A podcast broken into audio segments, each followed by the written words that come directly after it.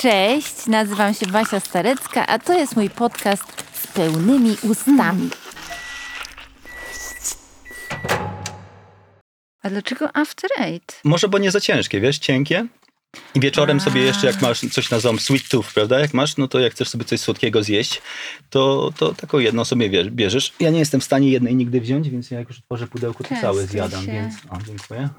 Pod względem dietetycznym trzeba by te To jest sam czekoladki no? nazwać Before Eight. Mhm. After Eight nie wolno jeść. Teraz są takie przykazania dietetyczne, że brońcie Panie Boże. No ale kucharze to wiesz, to oni tak naprawdę dopiero after eight zaczynają jeść, bo A? przez cały dzień nic w pracy nie jesz. Aha. Mogę jeszcze go? Aha. Mm. Och, taki odświeżający, mocno miętowy smak tej No. galaretki. No to są miętowe, no tam są pewnie te jakieś olejki, kurcze, smakowe. Mięty to tam pewnie nie ma. Mm. Prawdziwej, można w składzie zobaczyć. No my jemy po ósmej raczej. No Aha. bo po północy, jak wrócimy, jak wrócimy z pracy, wtedy jest czas, żeby właśnie jeść. Chociaż y, też im starszy jestem, tym staram się bardziej zdrowo odżywiać, więc Czekoladki After Eight są Mhm. z, robione z myślą o kucharzach. mm, nie wiem, nigdy w kuchni nie widziałem, ale mówiąc o kucharze, właśnie ci mówiłem przed chwilą, że Francen otwiera restaurację, Bjorn i w Harrod się otwiera. I widziałem jedno zdjęcie na raz w życiu, jest inspirowane właśnie After Eight, jest chyba jakiś tam suflet czekoladowy z O sorbetem. co ty mówisz? Taki trochę banał tak naprawdę. Więcej o- po nim oczekiwałem, ale, ale Klasyka. nawiązania do, te, no, do klasyki. No. Witam Państwa O, z pełnymi witamy. ustami. I zapraszam na kulinarne słuchowisko z Erykiem Bautistą. Deklinujesz się po polsku. Tak, tak, po polsku się deklinuje. kucharzem, który ostatni, ostatnie 12 lat spędził w Londynie, pracując tam zawodowo. Także brytyjsko-londyjską gastronomię znasz od kuchni. Tak, z przerwą na Stany. Więc 10 lat w Londynie tak naprawdę.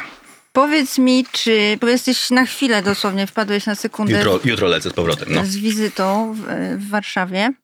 Czy płakałeś po królowej Elżbiecie? Nie, nie płakałem i chyba Anglicy generalnie nie płakali, bo oni nie płaczą zazwyczaj. Oni się też, oni się za bardzo nie cieszą, za bardzo nie płaczą, oni są zawsze tacy trochę Powściągliwi? powściągliwi są, A. no. Dobrze powiedziane. I wiadomo, że tam pewnie na BBC czy jakimś TVN pokazali rozpaczających Brytyjczyków, ale to jest pewnie, ten, Mm. to byli jedyni, którzy płakali po królowej, ale Ale potrafią malować laurki.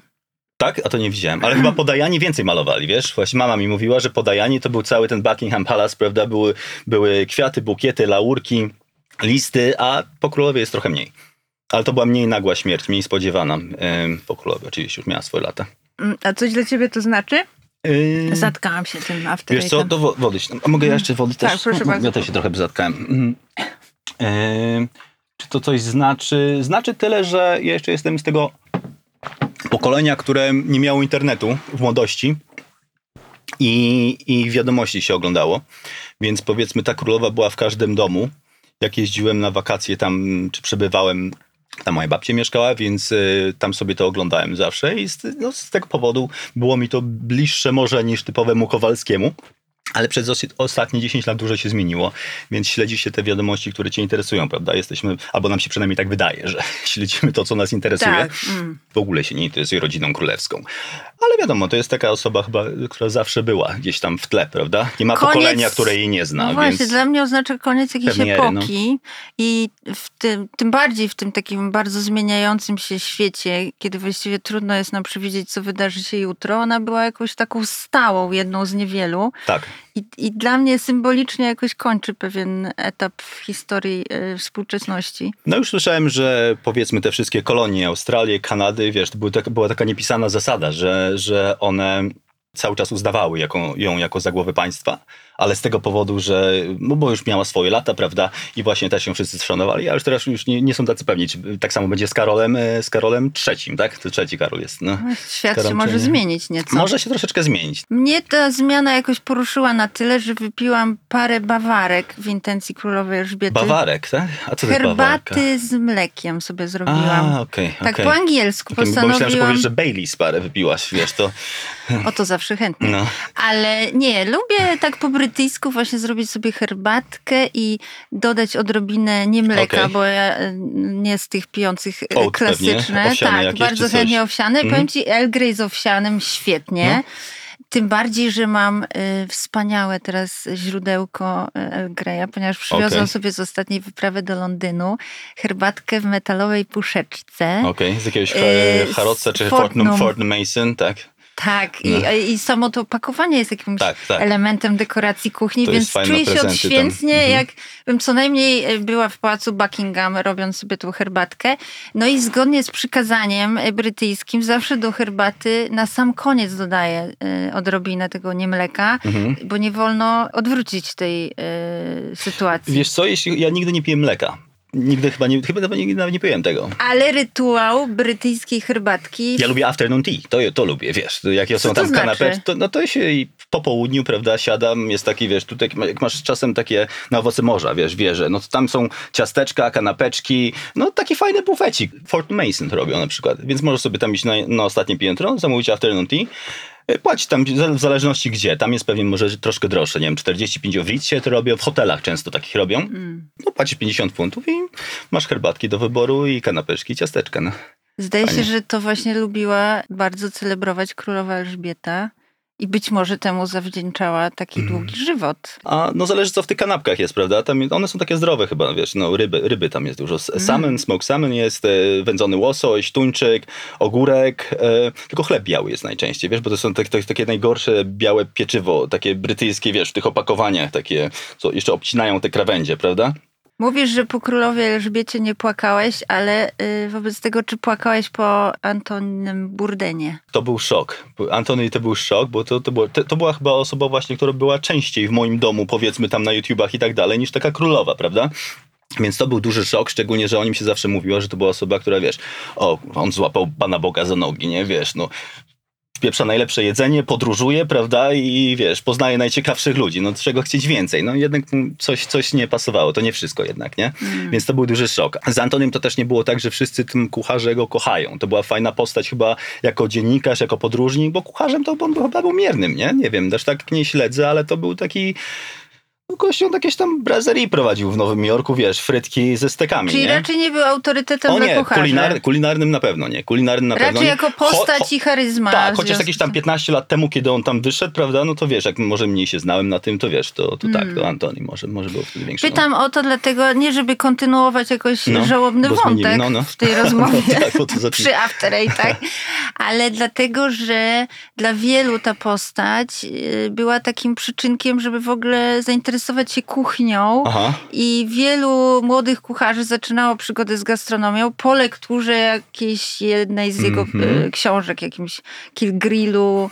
Trochę tego Mhm, wydał. mhm, mhm. I jak rozmawiam z kucharzami, kiedyś robiłam to częściej, ale bardzo często się pojawia właśnie ten wątek, że to była jakaś taka inspiracja, trochę ten rock'n'rollowy tak, tak, styl, tak, tak, wiesz, tak. To ale to pierwszym był Marco P. White pewnie, wiesz, to on Mm. był tym pierwszym takim bad boyem z kuchni, który, wiesz, miał, nie wiem, czy miał tatuaże, ale to, wiesz, miał długie włosy, prawda, wiesz, przeklinał, yy, był, wiesz, miał taką telewizyjną aparycję i, wiesz, można było się z nim utożsamiać, nie? To on przyszedł później, ale na pewno był jed, jedną z tych inspiracji. Nie wiem, czy to była jedyna, no bo wtedy to był taki okres, nie wiem, kiedy, nie wiem, ja kiedy zaczynałem, to było tak, że te, te bodźce, wiesz, te znaki z różnych stron nadchodziły, prawda? To może był tam, czasem był Dane, czasem był, nie wiem, Pixar, Ratatouille, bajka, prawda? Wiesz, dużo tego Mhm. było i to zawsze było tak, że z kimś to oglądałem tak, a powinieneś gotować, każdy mówi, powinieneś się za to wziąć, wiesz, no i w końcu się wziąłem, no. Pamiętam, że w jakimś wywiadzie on powiedział, że na ostatnią kolację życzyłby sobie zjeść, mam nadzieję, że tak się wydarzyło, No, życzyłby sobie zjeść kość szpikową. no bo on był fanem St. John, on był y, dla niego ten y, mały Buddha, jak on miał, Fer, Fer, Fergus Henderson, tak ma? Tak, Y, no Fergus właśnie, Henderson, Tak, to, mhm. to był jego, to, to była jego chyba ulubiona restauracja. Ja W to- ja mam- Londynie zresztą. W Londynie, no jest kilka. To jest właśnie dla takich frików gastronomicznych raczej kuchnia i on, chociaż on też takiego macho trochę zgrywał, nie? Więc, więc on by nie powiedział, wiesz, Że to pasowało trochę do jego do wizerunku. pasowało, tak. Ja kiedyś chyba widziałem jakiś wywiad w telewizji z nim, jak go zapytali, wiesz, czego by nigdy do ust nie wziął, to on powiedział, że chicken McNuggets, prawda? Bo to było takie zbyt sztampowe, prawda? I no wiadomo, nie wiadomo, co tam jest w tych, tych, ale, ale właśnie szpik kostny, tego typu rzeczy, tak. Ten produkt w ogóle mi się kojarzy z londyńską gastronomią, bo y, myślę, że Fergus Henderson, którego wspomniałeś, wspomniałeś, to w ogóle Mhm. była jedna z takich pierwszych postaci, która tworzyła tą nową kuchnię brytyjską. No on wpisał się w historię na pewno londyńskiej sceny kulinarnej, ale też za sprawą między innymi tej kości szpikowej, to było wtedy myślę rewolucyjne dosyć, bo podawano polędwice, podawano jakieś bardziej takie y, lepsze kawałki mięsa powiedzmy, w skrócie, no nie ma lepszych, gorszych, ale jakby inne rzeczy były popularne, bardziej cenione, a ta piąta ćwiartka, czyli te wszystkie takie podroby, jakieś odpady, właśnie kości, no raczej nie gościły na eleganckich stołach. Tymczasem Ferguson właśnie coś takiego zaczął podawać. Mało tego, wydał książkę From Nose to Tail Tak, bodaj. tak, tak. I y, to się wszystko działo w jakichś y, latach 90. w połowie.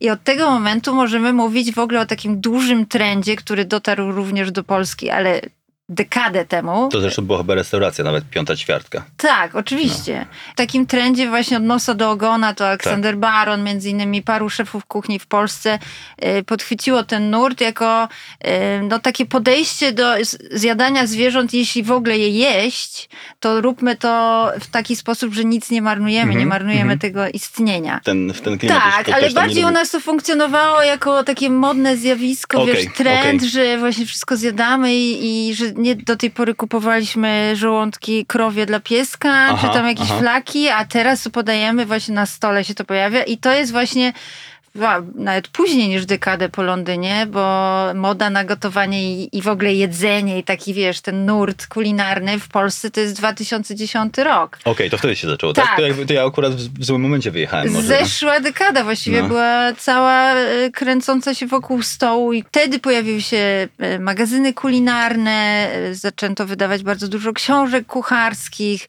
Jamie Oliver oczywiście, Tak. Nigella i tak dalej. No i pojawiły się programy kulinarne, g- w których no, kucharze wyrośli na jakichś nowych herosów. No. Ale właśnie, chciałam wrócić do tego St. John, Mhm. do restauracji y, Hendersona, która do tej pory serwuje to kość szpikową tego 91 czy 4 roku. Henderson Tak. Zbudował no. już, tak, Henderson zbudował już imperium Mhm. St. John, bo to jest parę restauracji oprócz Tak, nawet tego niedaleko mnie teraz będzie teraz na Marylebone otwiera, która to jest taka dzielnica bardziej, no nie do końca, bo on- jego większość to jest właśnie we wschodnim Londynie, taki industrialny Londyn. A teraz już na Marylebone otwiera niedaleko Mm. Mayfair, przy, za, za Selfridges. Już chyba otworzył, w tym miesiącu miał otwierać, nawet nie, nie, nie pamiętam dokładnie kiedy. I, i, I miał otwierać w Los Angeles. No widzisz, To, czyli już to, aż to zagraniczna dziwnie, nie wiem, kariera. czy w Los Angeles by się przyjęło, e, wiesz, e, ozory, muszczki i szpik kostny, nie wiem, tam raczej sushi Fit. i fit, no. Awokado, pokebole. Tak, tak. Pokeball. szoty z kurkumy. no, no. I admiral morzu i tak wyciska. Ale ciekawa nie, z tej, z jestem- tej trawy, z trawy oni mają szoty, oni wyciskają. Szoty z trawy. Tak, wheatgrass. To pszenicy, z pszenicy. No, to jest strzał w Stanach. Mm. Mają maszynki do wciskania To u trawy i nas piją. funkcjonują te produkty w kąciku jednak ezograżyny, wiesz, że to są A, dla tych, co okej. widzą A, no. równoległe światy i Ale ja chyba jestem może taką trochę jesteś też... e, ezograżyną? Może, może, no tak myślę, może trochę, mnie interesują mnie różne, wiesz, światy i Wrócę jeszcze do tej kości No. szpikowej, bo to jest jakiś motyw w ogóle mojej relacji z y, kuchnią londyńską, angielską? że gdziekolwiek nie pójdę, mam wrażenie, że ta kość jest cały tak. czas funkcjonuje i nawet jeśli jestem w, w jakiejś restauracji azjatyckiej, Mhm. to ona powraca jak, jakoś, jak jakiś akcent, cytat, że nie wiem, jesz ramen, ale masz na wierzchu jakiś tłuszcz właśnie. Jest bone wszędzie i jest, e, wiesz co, nawet tego nie zauważyłem, bo to jest tak jakbyś powiedzmy tu powiedziała, że pietruszka jest wszędzie, prawda? Więc na tej zasadzie I była we wszystkich restauracjach chyba faktycznie, gdzie, w których pracowałem. Nie wiem, w Ledbury jak pracowałem była z burakiem i z tym, i z węgorzem wędzonym, prawda? Jest rich, Ona jest wzbogaca bardzo to, prawda? Takim wzbogaca, prawda? tłuszczem, który podkręca Dla smak. niektórych może być trochę za bardzo aż chyba. bo- Mdlące może to tak, być. tak, ją trzeba przyprawić trochę dla niektórych, wiesz, a dla niektórych właśnie jak masełko, pyk na, na grzankę i tak jak w St. John. Kapary, Kapary, coś, coś kwaśnego tam tak, żeby się przegryzło. I to była rzecz, którą ja jadałam, już tego nie robię, No. y, bo po prostu nie jem zwierząt. Staram się przynajmniej omijać je. Poszukuję alternatyw tej kuchni londyńskiej i za każdym razem teraz, jak odsunęłam już tą kość szpikową i całą tą mięsną ofertę, te mięsne akcenty w kuchni londyńskiej, to wszędzie z kolei widzę jarmuż. Tak, aż tak. I mam wrażenie, Okej. że w londyńskiej kuchni, Ale mówisz wegetariańskiej? nie właśnie w takich klasycznych Aha. restauracjach, w sensie Jest jarmużu dużo. Okej, ja wybieram za każdym razem, jak jestem w Londynie, to sprawdzam zawsze przed wyjazdem, co teraz jest modne, o czym Tak. się pisze. Śledzę krytyków londyńskich. I, w, I w takich kuchniach, nie że vegan, Mhm. Ale właśnie nie wiem, czy to w jakichś tajskich restauracjach, w Kiln na przykład. Jarmuż Jedyna zielonina, jaka jest do Mhm. wyboru, to jest ten jarmuż. Ale to chyba nie dlatego, że on jest tak modny, tylko jednak y, w Anglii jest, nie ma przesytu wegetariańskich ani wegańskich knajp, wiesz, bo widzę, że w Polsce to jest fajne, w Warszawie przynajmniej, nie wiem jak jest w Polsce, to jest takie, no to jest modne powiedzmy, nie wiem czy to jest właściwe słowo, ale modne, trendy, e, czy po prostu hipsterskie, wiesz, nie, Mhm. znając, no nie znajdując Tak. lepszego słowa, gdzie w Anglii to nie jest cool. Anglicy są troszkę zbyt cyniczni, bo powiedzmy to jest trend. Oni nie za bardzo lubią trendy, więc nie, oni tam na przekór wezmą ci najtłustszego si- głowy, łeb świniaka upieczony, prawda? Okej. I, I tam nie ma tego, w, no, Tak, tak jak w Warszawie właśnie, chyba, że właśnie widzę. Zaskakuje ma, mnie to przywiązanie do tradycji. No i właśnie ten nieszczęsno ktoś szpikował, że się wsadza nawet do ramenu i do jakichś, wiesz... No, no, no, no. no. Y, To, że y, brakuje tam sezonowości. Mm, Że bez względu na to, czy ja jestem w lutym, czy w lipcu, to zawsze jest mniej więcej ten sam kanon Musisz, musisz produktów mi w pokazać, menu. do jakich restauracji chodziłaś i kogo czytałaś, bo ja bym cię zaprowadził do sezonowych. Są, tylko że wiesz co, no w Anglii też ta sezonowość jest ograniczona z wielu względów, ze względu na klimat przede wszystkim, prawda? To jest tak, że w tym, w tym roku y, za sprawą, nie, chciałem powiedzieć dzięki, ale nie dzięki, bo jest globalne ocieplenie, ale ze, ze względu na piękne lato były super śliwki, prawda, apricots i maliny, były niesamowite. Ale z kolei zazwyczaj owoce są słabe, wiesz, jeszcze tak nie ma tam tego słońca, brakuje słońca, prawda? Nie wiem, jak to działa na przykład z Danią, bo zawsze widzę, jak tam wrzuci, zawsze ma jakiś bukiet tych owoców, prawda, i kwiatów, nie wiem.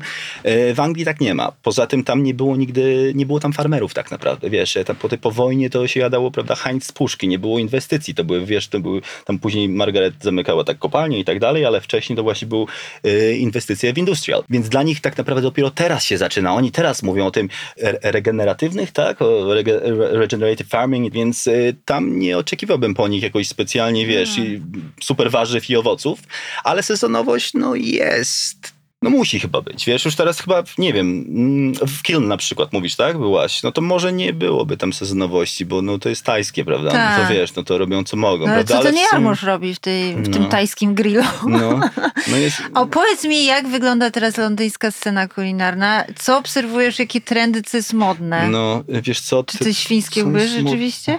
Jezu. Nie, no one są już, tak jak mówiliśmy, wiesz, dawno od, e, znane od dawna.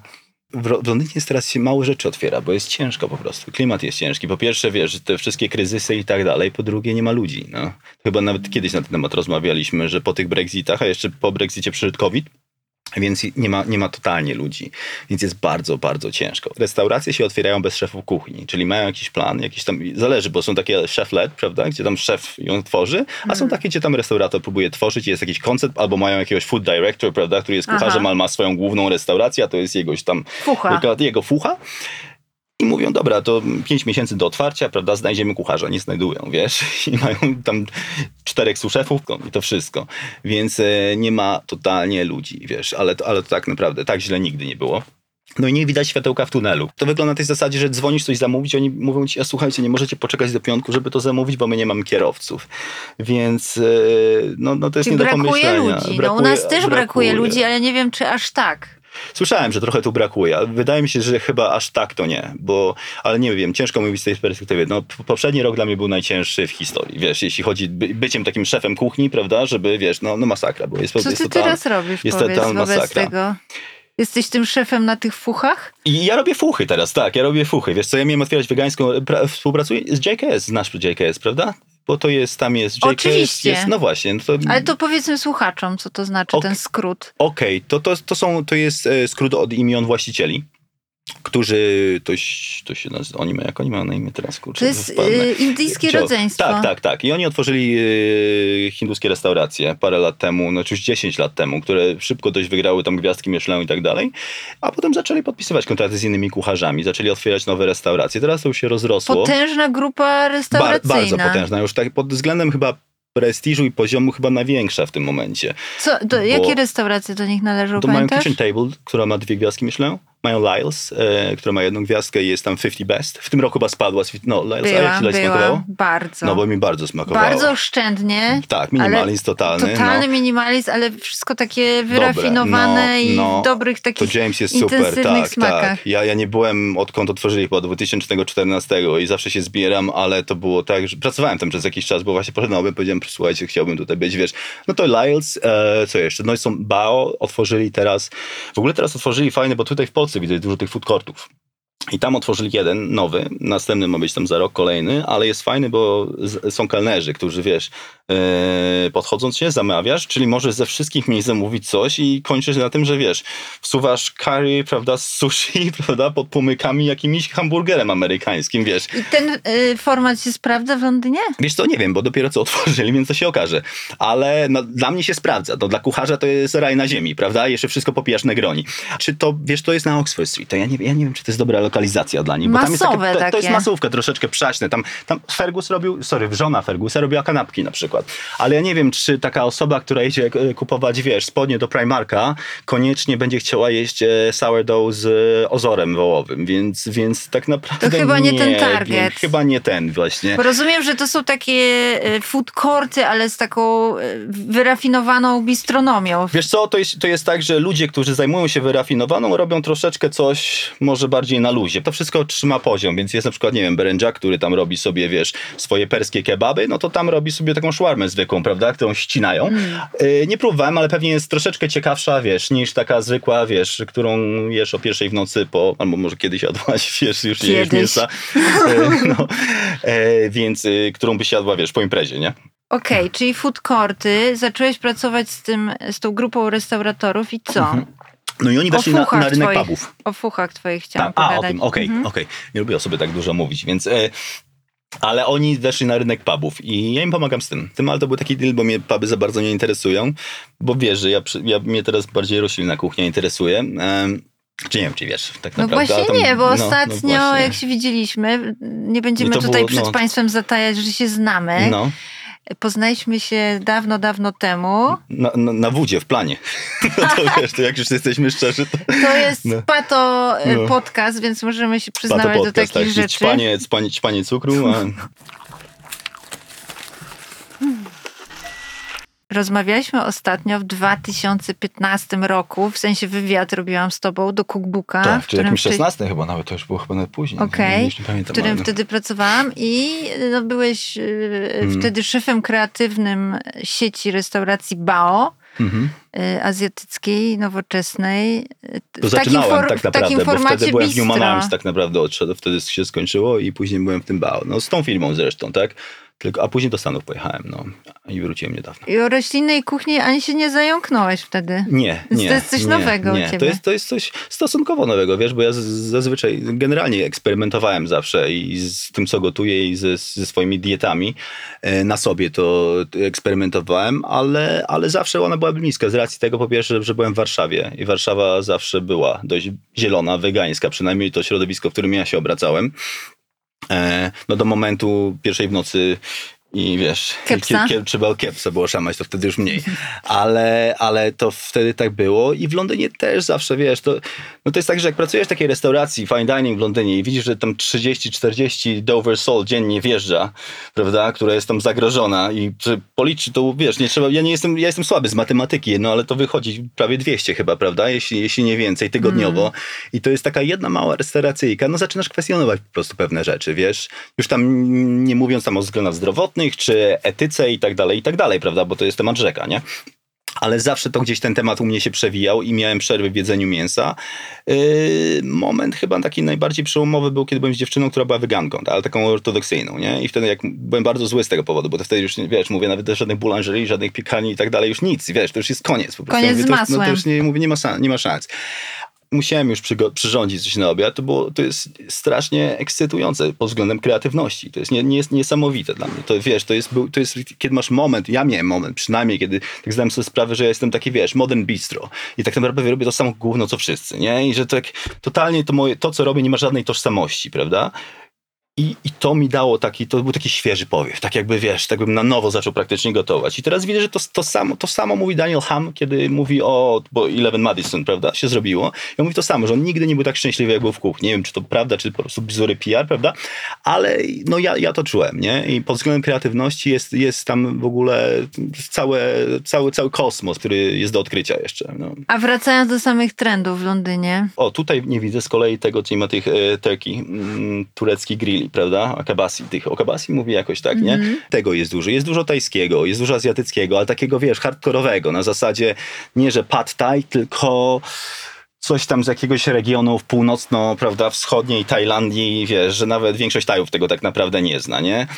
Teraz JK zresztą też otwiera właśnie tajskie restauracje, gdzie mają swoją farmę i tam w szklarniach próbują mikroklimat cały odwzorować Tajlandii, prawda, i tych, tych, których mogą warzyw i tam i robią to dla siebie. A gastropuby? Tak, ale dla mnie to jest szok, że jest i tak mało. Dobrych jest kilka, ale to są często, to są rzadko puby.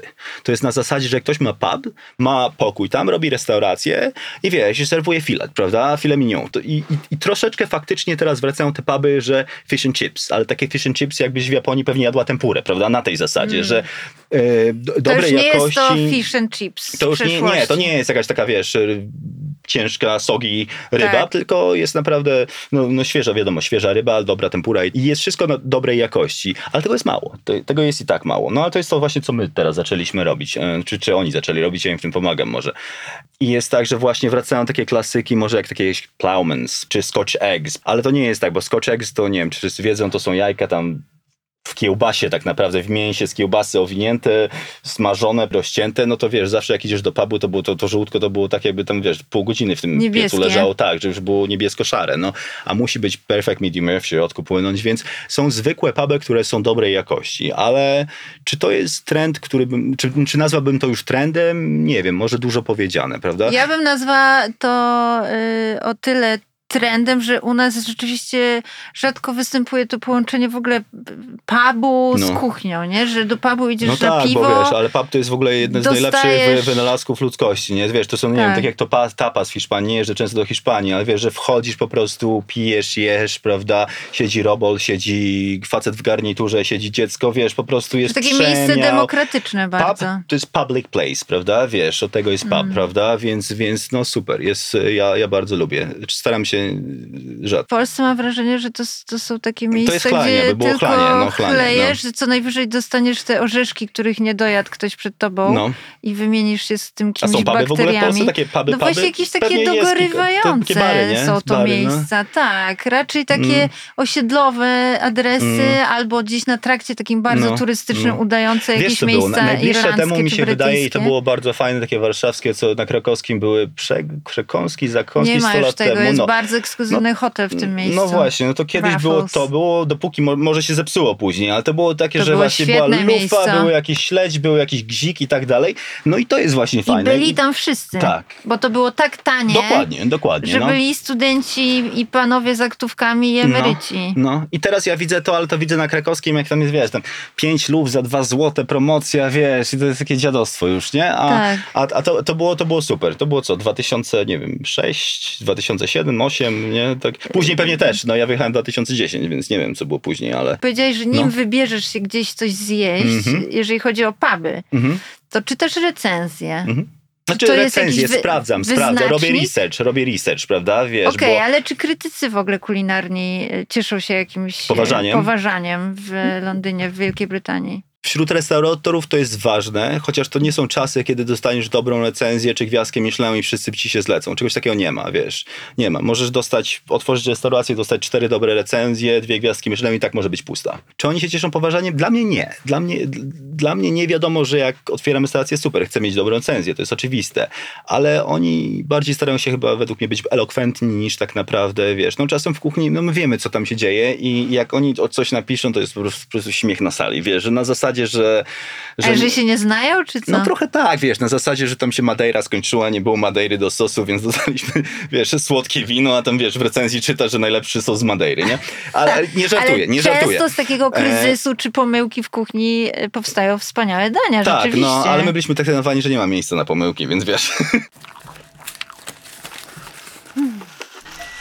po tej dekadzie, kiedy rzeczywiście wszystko się kręciło wokół jedzenia i powstawało mnóstwo restauracji, no. było sporo szefów kuchni, którzy eksperymentowali, szukali swojego jakiegoś stylu w kuchni, to mam wrażenie, że ten moment eksperymentów się skończył i mhm. teraz więcej czasu poświęcamy Excelowi, liczeniu mhm. i food mhm. costom. No i wymyślaniu takich konceptów, mhm, które się... Nie restauracji, wymyślanie konceptów, nie są restauracją, tak, projektów, no.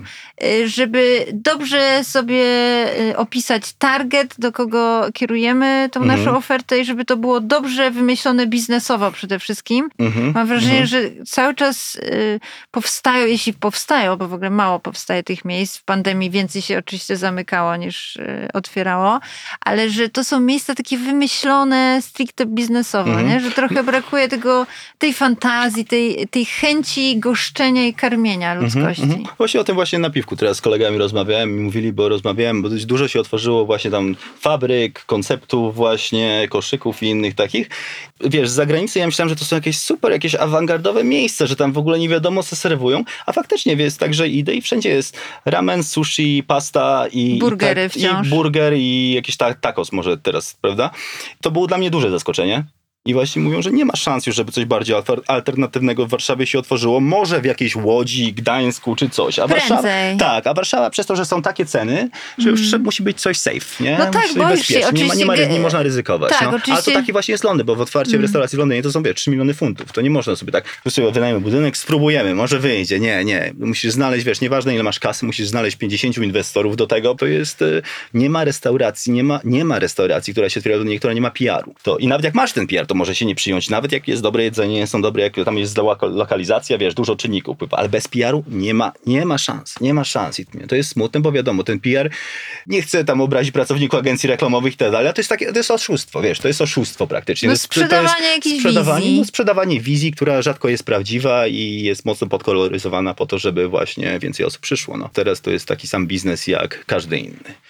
No właśnie myślę, że trochę generalizuję. Oczywiście są jakieś takie miejsca, do których sama chadzam z przyjemnością, mhm. bo gdzieś są pod prąd no, tego no. wszystkiego i można znaleźć ciekawe adresy w Warszawie i w Polsce ale rzeczywiście myślę, że ta kalkulacja jest podyktowana realiami, mhm. że po pierwsze czynsze bardzo poszły do góry za lokale w Warszawie, po drugie koszty pracownicze. No tak jak mówisz, to jest ogromna inwestycja i chyba już skończył się ten moment właśnie tej mody na gotowanie, która pchała ludzi, którzy do tej pory na przykład bardzo lubili gościć yy, u siebie w domu, albo przyjaciele im mówili, słuchaj, ty tak świetnie gotujesz, może byś otworzył restaurację mm i takie mhm. miejsca okay, powstawały. Okay. No, no, no, w ogóle to jest chyba jedno z najpopularniejszych marzeń ludzkości, żeby mieć własną restaurację. Jak tak. spytasz paru Kowalskich tak, na ulicy. Jedno z najbardziej naiwnych też, prawda? Też. Że to jest tak. Więc może ten okres naiwności mamy po prostu no. już ze sobą. Ileś tych biznesów upadło spektakularnie, mm że rzeczywiście po prostu ten Excel teraz jest no. podstawą do policzenia tego wszystkiego Może na początku. też jest tak, że już ta gastronomia jednak jest na wyższym poziomie, więc ludzie zdali sobie sprawę, że to nie jest tak, że wynajmiesz lokal, znajdziesz jakiegoś tam kuchcika i on ci będzie wiesz, serwował i czasem chwyci. będzie ok, czasem nie będzie dobre, wiesz, jak to jedzenie musi być zawsze dobre. Ale wiesz co, to pandemia pokazała, y, co ważne jest tak naprawdę w restauracji, żeby ona -hmm. przetrwała i okay, sobie poradziła na rynku. Że oprócz Take tego, away. że samochody i skutery. Też, no. To też, że bardzo dobrze sobie poradziły miejsca z kuchnią azjatycką, bo gdzieś nam tak. się kojarzą z taką opcją, że możesz to wszystko zamówić -hmm. sobie na wynos, ale że oprócz tego, że masz dobre jedzenie, ono właśnie nie musi być spektakularnie dobre, mhm. że nie, nie wszyscy jesteśmy na takim poziomie smakoszowskim, że no. jesteśmy w stanie ocenić ale, ale, te niuanse w sosie. Ale to takie są kucharze właśnie. Jak ja, jak jem, to ja nie chcę, wiesz, nie chcę tam, wiesz, kosmosów. Ja chcę, ta, ugotuj mi dobre. dobre To jest tak, jak do kogoś do domu idę i oni zaczynają wymyślać, prawda? Bo ty dobre. Nie, weź mi ubierz kurczaka. Żeby to było dobre i żeby było tego dużo no. na talerzu, bo dalej to jest taki wyznacznik, skoro wydaje pieniądze na wyjście tak. do restauracji, to chce się najeść, a nie okay. wyjść po jakiejś jednej mhm. piance. A jest i... sharing? Czy jest takie dzielenie się, czy cały czas ktoś musi mieć swój talerz? Bo... Dalej potrzebujemy mieć swój talerz, ale okay. a propos tej pandemii, to jeszcze no, no. tylko skończę, że e, oprócz tego, że to jedzenie właśnie musi takie być, wnętrze musi być fajne, to tak. musi być jakiś spójny koncept właśnie, mhm. żeby to wszystko było ubrane w jakieś story. Ale takie miejsca, które zbudowały wokół siebie taką lojalną grupę odbiorców, mhm. gości, mhm bardzo Czyli dobrze sobie... neighborhood restaurants, Tak, tak? bardzo gdzie, dobrze sobie poradziły w czasie pandemii. Mhm. No, te relacja nawet za sprawą mediów społecznościowych jeszcze bardziej się umocniła. Mhm. To i chyba zawsze było tak naprawdę, tylko może ten właśnie uwypuklił to ten kryzys cały, ten COVID cały, dlatego że zawsze restauracje się opierały na regulars w Londynie. Tak naprawdę 60-70% ludzi, którzy wracają, nieważne czy to jest restauracja, która serwuje hamburgery, czy to jest jeż- je- nawet bardziej te restauracje fine dining, bo one często nie są, wiesz, w centrum, prawda? One są w jakimś Notting Hill, w jakimś Kensington, w jakiejś uliczce, prawda? O której tak naprawdę żaden turysta, czy nawet Anglik nie wie, oprócz tych lokalsów. I to są ci ludzie, którzy regularnie przynajmniej 10 osób przyjdzie do nich na kolację. A wystarczy, że przyjdzie takich 10 osób, sprzeda dwie butelki wina i już masz, wiesz, tydzień na czynsz. To do jakich miejsc ty wracasz w Londynie? E, znaczy wracam, ja jestem tam cały czas, ale wracam Ale tak... tak, że jesteś takim Em, właśnie regularnym Mhm. klientem. No tak jak mówię, widzisz, właśnie to co powiedziałaś, że już coraz mniej mnie interesuje, co jest nowe tak naprawdę. Wiesz, już mam tak, że mam dzień wolny i chcę fajnego croissanta zjeść, wiesz. Jak jest coś nowego, no Cedric e, Grolet, on ma tak, ten Francuz otworzył, wiesz. Ja, ja lubię dobre wypieki, więc jak on otworzy, to ja tam O, idę, nie? On jest w Londynie, bo ja go obserwuję na Otworzył- Instagramie. O, no widzisz, jakbyś się odezwała, jak byłaś w Londynie, to bym ci powiedział o kilku miejscach, ty wiesz, do kin poszłaś, no. Ale no właśnie, wiesz, więc jak on otworzy, to tak, ja idę od I to razu. w czasie największych upałów, bo było prawie 40 stopni No, wtedy byłem, w Londynie. byłem, A ja byłem, no. siadłam obok grilla. No, co, co miałaś? Co? Siadłam wtedy obok grilla. Tak, no. Właśnie te piekarnie, to, to jest coś, co mnie tam zawsze, bo to jest tak, że wiesz, szybko, hap, chociaż on, on to chyba sobie 20 funtów za jakiegoś krozanta liczy, więc, więc no sporo. A propos cen, jak No właśnie widzisz ostatnio- różnicę w cenach? Bo No coraz i- mniejszą, wiesz, tam 3 funty w Londynie kosztuje jakiś flat white, tutaj tak samo z 15 zł, jak Właśnie, widziałem, byłam więc... e, zaskoczona podczas ostatniej wyprawy do no. Londynu, jak bardzo te ceny są zbliżone do tych warszawskich. Tak, tak, tak, są. Ale są też rzeczy, które już, już abstrahując od czynszów i tak dalej, bo to jest kosmos już tam. Ale na przykład wczoraj na bazarku kupowałem śliwki, maliny i świeże te. E, były hazelnuts, orzechy Laskowe? laskowe tak. 25 zł za to. Już nie wiem tam ile, Hmm. czy to był kilogram, czy ile. To w Londynie za same maliny bym pewnie zapłacił 3 funty. Są rzeczy, które są tańsze oczywiście, ale te szamki tutaj, nie wiem, dzisiaj byłem właśnie w, w tej elektrowni, to jakaś zupa czy coś, to podobnie, tak około 10 funtów, wiesz, no 9-8 funtów, no. Jesteś już 12 lat w Londynie, z małą przerwą na Stany. no. Planujesz kiedyś wrócić do Polski i Już nie pytałaś, to chyba ci mówiłem wtedy, że tak. Tak. To teraz chyba już nie. E, nie wiem, nie wiem, nie wiem. Nie, nie potrafię na to odpowiedzieć. Nie generalnie mało planuję. E, będzie co będzie, wiesz, będzie co będzie. Ciężko coś planować w tych czasach. Ciężko właśnie. coś planować w tych czasach. Wiem, że byłoby mi ciężko wrócić. Wiesz, ciężko by było już Z za, za jakich długo. powodów? Jest inaczej po prostu, wiesz, już jestem tak e, przyzwyczajony do, do tego, jak tam jest, nie? Wygodnie Chyba łatwiej jest żyje w wyjechać. Londynie? To, to, to jest mój taki naturalny habitat, czuję tam teraz, to jest takie moje środowisko. Czy wygodnie, ciężko powiedzieć, bo na przykład jak pracujesz nad jakimś projektem jest bardzo intensywny, to nie, ciężko to nazwać wygodą. Pod względem finansowym też Londyn jest bardzo drogi, więc to też nie jest tak. Czynsze są astronomiczne, mieszkania, wiesz, w ogóle, żeby dostać e, kredyt na mieszkanie, to jest w ogóle impossible, nie? To jest w ogóle nie ma szans. Ja, ja się nawet nie próbuję ubiegać, w ogóle mi na tym nie zależy. Ja mam tam inne może trochę pri- priorytety. Masz coś Ale- jeszcze przed sobą w kuchni, co czujesz, że chciałbyś zrobić? W kuchni nie ma takiego momentu, wiesz, ale na co dzień cały, masz tyle do zrobienia, masz tyle punktów do odhaczenia, więc nie ma czegoś takiego, że a ja już wiesz, wszystko zrobiłem, co bym chciał, więc tego chyba nigdy nie będzie. Jedyne co to, czy ja będę miał energię, czy wiesz, bo nie chcę otworzyć restauracji, jak będę miał 50 lat, czy 45, czy wie- wiesz, no to jest bardzo intensywne, wiesz, i to, co mówisz właśnie, że sobie zdali sprawę Polacy, że to nie jest tak, że na dobrym poziomie otworzyć restaurację. Poświęcasz wszystko, prawda?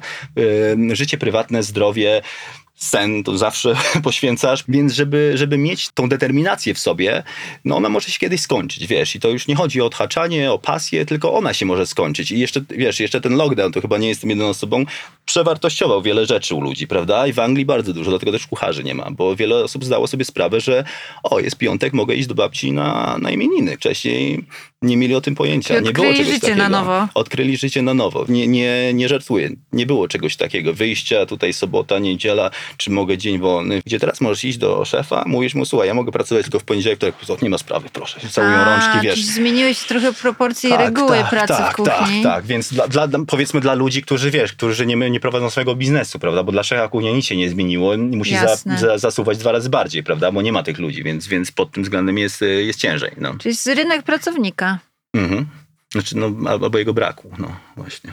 To co dalej z tą londyńską kuchnią? Nie wiem, nikt, każdy mówi, że nie ma światełka w tunelu, wiesz, już są podpisywane e, petycje, żeby, wiesz, żeby imigrantów specjalne wizy robić pracownicze, wiesz, tylko że oni sobie wymyślili, że oni właśnie przez to, że tych ludzi nie ma, stworzą rynek dla Anglików, że oni się rzucą na tą pracę w pewnym momencie, że wiesz, zarobki pójdą do góry i tak dalej, co jest totalną bzdurą, wiesz, bo jednak w Londynie jest 12 milionów ludzi, restauracji masz, wiesz, 5 milionów i nie wypełnisz ich, no nie wypełnisz ich. Zawsze byli imigranci, to za, zawsze chyba, prawda? To była wyspa, zawsze byli tam. Tak. Samo jak w Stanach, wiesz, no, Stany były zbudowane przez imigrantów. No, będzie musiał się model biznesowy chyba zmienić.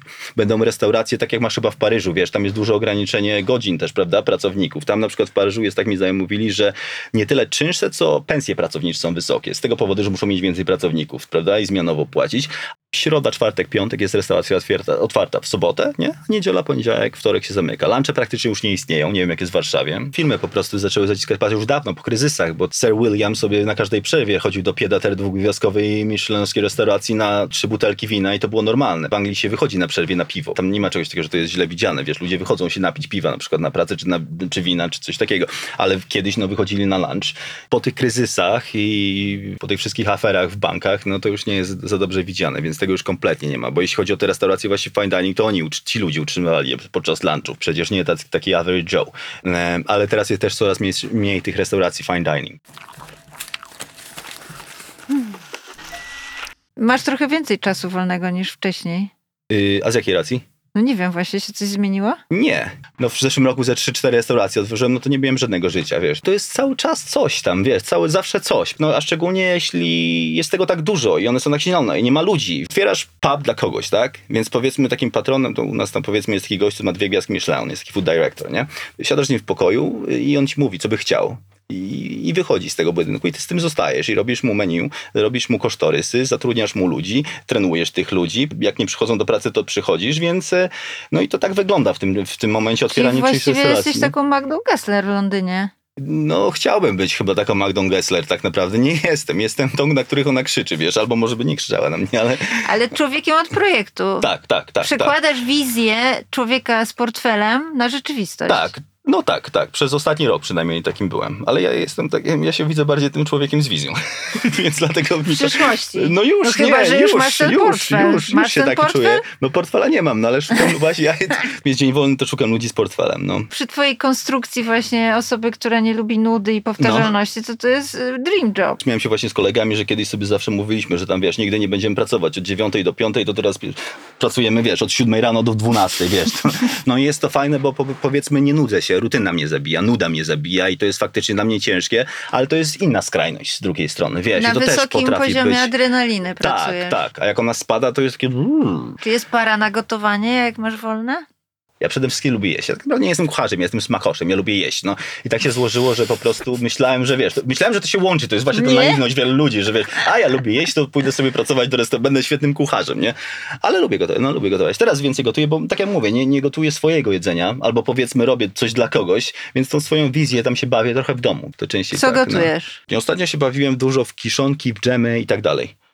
A widziałam, jakaś no. produkcja poważna wjechała dżemu z Tak, pomidorów. tak, bo ja bardzo, wiesz, generalnie, o, przetwory, to jest coś fajnego, co mnie jara strasznie, to jest bardzo romantyczne w ogóle, prawda, i wiesz, ja taki jestem nostalgiczny. Tak, tak, tak, bo, bo mówiłem o tych owocach, że były super owoce w te wakacje, nie? I jeśli chodzi o takie miękkie, soft, y, miękkie owoce, według mnie one są o wiele lepsze, kiedy nie są przetworzone w ogóle, prawda? Czyli taka śliwka, malina, to jest super, a jak się zaczyna doda tego dużo cukru, to już troszkę zmienia się, zmienia się, wiesz, no nie jest to samo.